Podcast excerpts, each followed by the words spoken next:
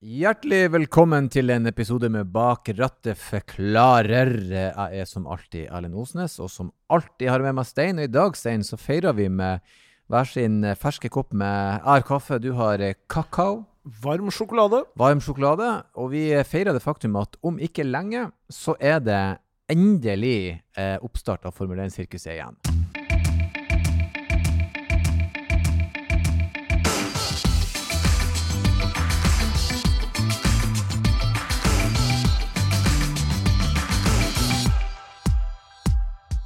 Ja, det begynner jo faktisk allerede den uka her. Altså, da er det testing i Bahrain. Det har jo vært eh, en slags testing i Barcelona for eh, noen uker siden. Mm.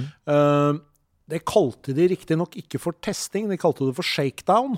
Mm. Og det var fordi at det var første gangen de nye bilene var ute og, og kjørte. fordi at vi skal jo inn i en sesong nå hvor det er helt nye biler i Formel 1. Mm. Kan vi ta litt for uh, si, jeg, er, jeg, har sett på i mange år, men jeg er en novise enda når det kommer til det med Formel 1.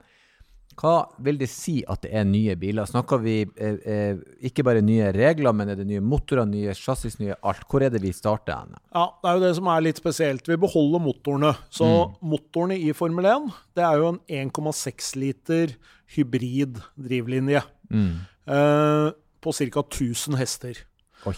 Så du tar jo ut ganske mye krefter da, fra en, eh, en forholdsvis liten motor. Ja. Um, og i tillegg så har jo motorreglementet i Formel 1 blitt sånn at uh, du kan bare bruke tre motorer i løpet av de 23 løpene som vi skal kjøre i år. Uh, hvis du må bruke en ekstra motor, så får du straff. Dvs. Si at du blir flytta bakover på startgriden. Mm.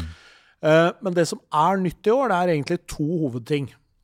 For det første så går vi fra 13-tommers hjul Altså, Alle som uh, har sett en Formel 1-bil, de, de, har jo disse her litt sånn høye, rare, eh, nesten ballongdekka. Mm. Og det er fordi at uh, Formel 1-biler har gått på, på 13-toms hjul, som er ganske spesielt. Det er jo ikke så mange biler i dag som har 13-tommers hjul. De fleste biler, nye biler i dag leveres på 17, 18, 19, 20-toms hjul. Mm. Så vi skal gå til 18-toms hjul, mm. og det gjør vi fordi at dekkprodusenten, som akkurat nå er Pirelli i Formel 1, de vil jo gjerne at det skal være litt sånn tettere mellom de hjula som de selger til kunder, og de hjulene som man ser på en Formel 1-bil, så det skal se litt likere ut. Mm. Eh, men det er klart, det å, å, bytte da, da får du jo hjul med lavere profil, altså det blir mindre gummi, mm. det får jo store konsekvenser for hvordan mm. bilen oppfører seg, f.eks. Mm. Så det er den ene store regelendringen før sesongen. Det andre er og dette er litt sånn teknisk, men man kommer til å se det når du ser på en bil. Det som er viktig når du skal kjøre en Formel 1-bil i over 300 km i timen, og ikke minst når du skal kjøre en bil i over 300, tim 300 km i timen i ganske skarpe svinger, så må du ha det vi kaller for marktrykk. Mm. Og det er jo det at bilen, når den får en viss hastighet, så er det aerodynamikk, akkurat som det er på et fly eller hva som helst, men som da presser bilen ned mot bakken. Mm. Og sånn som det har vært nå i veldig veldig mange år, så har det marktrykket det har blitt generert av den lufta som går over bilen. Og Derfor så har du hatt på Formel 1-biler i dag veldig mye vinger foran, bak, mye sånne finner som har stått opp for å, for å justere dette her. Mm. Og det er jo fint. Bilene har kjørt kjempefort i svinger og gått fort rett fram. Men problemet har vært at eh, all den lufta som går over der, den får en veldig sånn turbulens bak bilen pga. all den aerodynamikken. Og da blir det veldig vanskelig for de bilene som kommer bak, å kjøre nærme den bilen som du tar igjen. Ja, sånn ja. Så de ønsker å gjøre noe med det? Ja, for det har blitt vanskelig å kjøre forbi. Så særlig når det går fort, da, så kan du ikke ligge så nærme den bilen som du ønsker. Mm. En av liksom, de viktige prinsippene i racing, og, og særlig liksom i Formel 1, det er noe vi kaller for slipstream. Mm. Og det er når en bil kommer bak den andre bilen, så kommer du inn i nesten en sånn lufttom rom. Mm. Og så bruker du det, for det, da har du jo mindre motstand mot bilen ikke sant, idet du kommer inn. Og så kan du bruke den til å øke farta, sånn at du tar igjen den andre bilen fortere og fortere. Og fortere. Mm. Og så akkurat idet du tar den igjen, så kan du legge deg ut til sida og så bruke den farta til å kjøre forbi. Mm. Men når den lufta som er bak der, er så urolig, så er det vanskelig å ligge tett nok på. For det som ofte skjer da, det er at eh, når du kommer så tett bak den bilen, så er lufta så urolig, og så mister du marktrykket på din egen bil. Du mister mm. veigrepet, rett og slett. Mm. Og det kan jo være ganske skummelt når du kjører i over 300 km i timen. Definitivt. Så det de da ønsker å gjøre, er å begrense marktrykket, eller at det blir mindre turbulens bak bil? Ja, det man har gjort da, det er at uh, istedenfor at dette marktrykket genereres over bilen, så genereres det av undersiden av bilen. Ja, riktig. Sånn at uh, den lufta Det er fortsatt selvfølgelig litt vinger og sånn som lufta passerer over. Men den lufta, når den kommer over bilen, opp over forhjula og inn på, på siden av Formel 1-bilen, så suges det inn under bilen. Og der kan du si at under der så er Formel 1-bilen nesten, den nye Formel 1-bilen er nesten som en flyvinge, bare at den er omvendt. Sånn at det der flyet Hvor flyet da har en, en øverste delen av vingen går opp, mm. så går Formel 1-bilen ned ja, under. Kurven ligger under. Ja, Så, så istedenfor å bli løfta opp, så blir bilen sugd ned. Mm. Og så I tillegg til det så har du noe som kalles for Venturi-tunneler, som er to sånne langsgående lufttunneler. Som lufta som kommer inn på sida, blir dratt inn og bidrar til det suget. Og da skal teorien være at den lufta som kommer ut bak bilen, den skal være roligere og mindre turbulent enn den har vært tidligere, sånn at det er lettere å ligge nærme bilen foran. Men vi vet jo ikke 100% hvordan det blir i praksis. Så de vil ha mer fighting, de vil ha mer overtaking, de vil ha mer ja, én mot én, rett og slett? Rett og slett. Og det er på en måte altså, Det har jo vært det som Formel 1 kanskje har vært litt kritisert for. Det er jo at det har vært ja. si, for vanskelig å kjøre forbi. Det har blitt for jevnt. Og det er de fremste som ofte eh, blir liggende foran. Ja, i, i, I lengre perioder så var det sånn at den som tok første svingen, vant gjerne løpet. Ja da. Det, det, er nok litt karikert, men det stemmer jo også selvfølgelig til en viss grad. Og, og så er det veldig stor forskjell på Formel 1-baner. Mm. Noen Formel 1-baner er det vanskelig å kjøre forbi. F.eks. For Monaco, som alle tenker på som er liksom den ultimate Formel 1-banen på en måte, mm. er jo egentlig den dårligste Formel 1-banen på kalenderen. fordi det er jo nesten umulig å kjøre forbi der. Mm. Og det kommer nesten ikke til å bli noe lettere med de nye bilene heller, for det er for trangt. Og nye Formel 1-biler de er så raske at uh, de strekkene du har til å kjøre forbi på, blir for korte. Mm. Mens på andre racerbaner, som den vi har f.eks.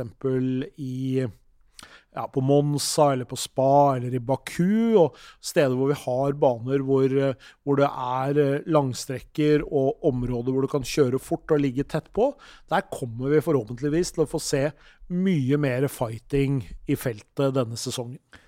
Kan jeg spørre, hvordan eh, eh Når fikk eh, de eh, de nye reglene og direktivene. Når fikk de lov å begynne å jobbe med de nye bilene? Så har alle hatt like mye tid? Er det noe begrensning på budsjetter? Er det noe, hvordan regulerer de ellers for å få så like forhold som mulig? Egentlig så skulle dette nye regelverket trådt i kraft i fjor. Mm. Men pga. covid og alt det som ble med en veldig amputert 2020-sesong, så valgte man å utsette det. Så teamene har visst om dette her i, i flere år allerede. Mm. Eh, noen brukte nok veldig mye av ressursene sine i fjor på å utvikle bilen til i år, fordi bilen fra 2020 til 2021-sesongen var det ganske små endringer på. Eh, og så Da kunne man bruke mer tid. Men f.eks. et team som Mercedes eh, eller Red Bull, som jo kjempet om seieren helt inn mot slutten, de var jo også nødt til å jobbe med 2021-bilen. Fordi det holdt ikke å være så god som det var når du starta. Du måtte gjøre noe etter hvert. Mm. Eh, det har jo blitt sånn at uh, man har, har, laget en begrensning på hvor mye penger et team kan bruke i Formel 1. Ja, Nesten som en sånn salary cap? Ja, må, ja, det er rett og slett et budsjettak eh, som i fjor var på 1,5 milliarder. I år er det på 1,4 milliarder. Eh, og da snakker vi om Det er fortsatt penger. Det er 1,4 milliarder for å kjøre 23 løp med to biler. Mm.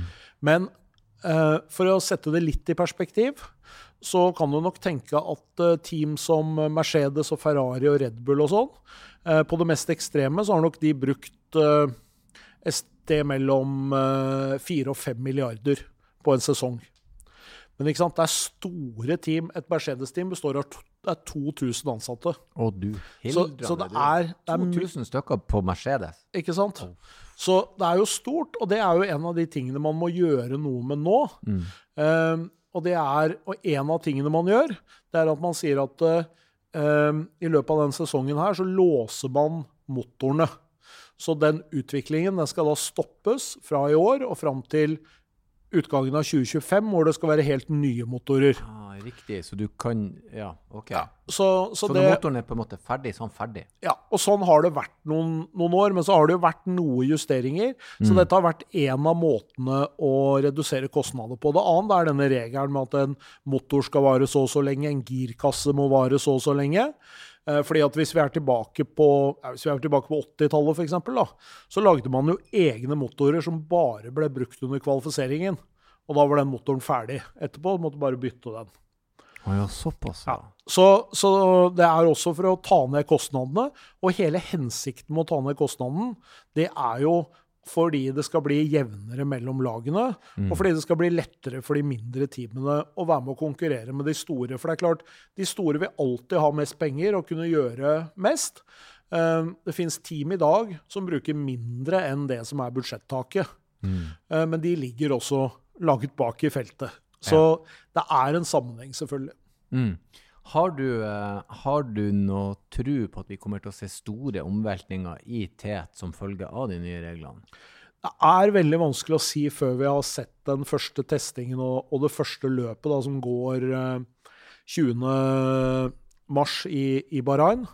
Eh, men jeg tror nok at eh, det vil ha skjedd eh, en endring i styrkeforholdene.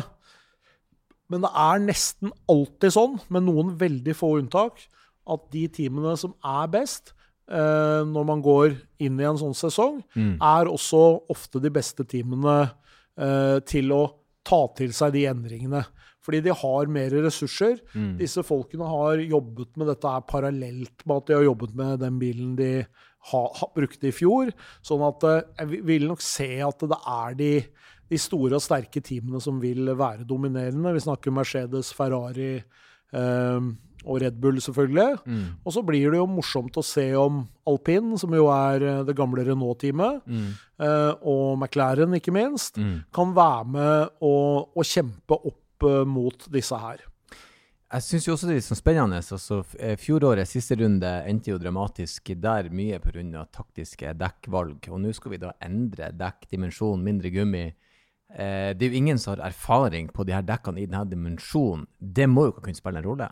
Det kommer til å spille en rolle, og det er klart at eh, måten disse dekkene er laget på også eh, et, et høyt gummidekk, da, som vi hadde når vi hadde 13-tommere, det var jo også en del av fjæringskomforten i bilen. Har jo også noe med hvordan dekket beveger seg. Mens et, et eh, 18-tommers eh, hjul med, med lavere profil får jo en annen eh, dynamikk. Og de sier jo det, førerne nå, etter å ha kjørt bilene på test, at eh, de er mye mer nervøse, litt mer direkte enn det de har vært tidligere. Og det er kanskje ikke så rart å bli litt skarpere i, i, i handlingen, rett og slett. Ja, for det er jo fem tommer her i forskjell, og det er jo ganske betydelig. Fem tommer mer med felg og tilsvarende mindre gummi, og så skal man ut og ratte med det her.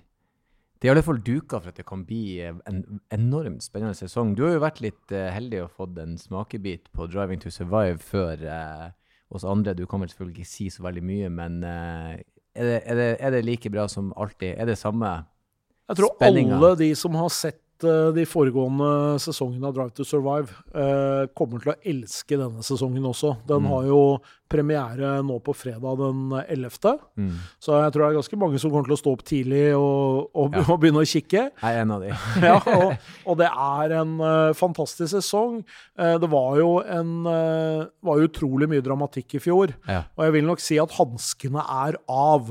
Altså, vi får se Christian Horner på 11, for å si det sånn. Ja, han, han, jo er det han eh, kan for å ta Toto Wolff. Det er jo Ja. en av de tingene som driver det der sirkuset fremover. Og så har vel racingdirektøren gitt seg Ja, nå etter denne sesongen. etter forrige sesong, ja, så gikk jo Michael Massey av, altså han som på en måte har vært løpslederen da, i Ja. praksis Ja. eh, på løpene, selv om du har eh, alltid dommere også som er med å ta disse avgjørelsene, eh, på grunn av denne veldig kontroversielle avslutningen eh, som var på sesongen i fjor. da. Mm. Så, men det får vi se ganske lite av foreløpig, men jeg har bare sett de åtte første episodene av Drive to Survive. Ja. Så den virkelige finalen den kommer jo da antageligvis i den siste episoden, episode ti. Ja. Så mm, det er bare å, å glede seg og, å glede seg til en eh, fantastisk Formel 1-sesong.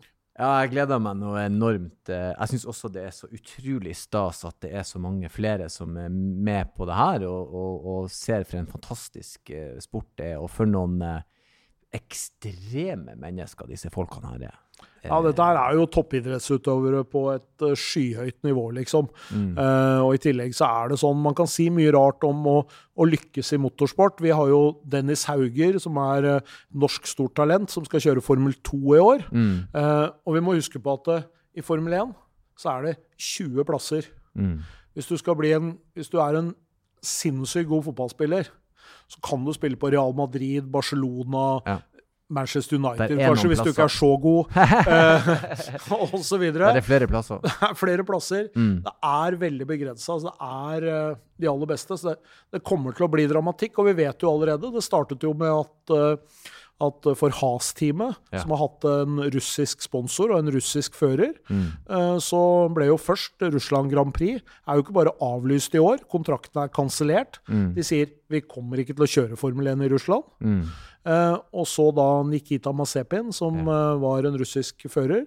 Og hvor både han og sponsoren fikk sparken fra Has-teamet nå i helgen. Mm. Og da er det jo dramatikk allerede fra, fra, fra start. Mm.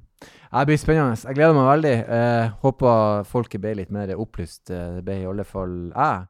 Og som alltid, hvis det er tema dere vil vi skal snakke om, eller ønsker at vi skal diskutere her, så er det veldig enkelt. Send en e-post til bakrattet.bos.no, og så tar vi den mer enn gjerne med. Takk for at dere lytta, og kjør forsiktig.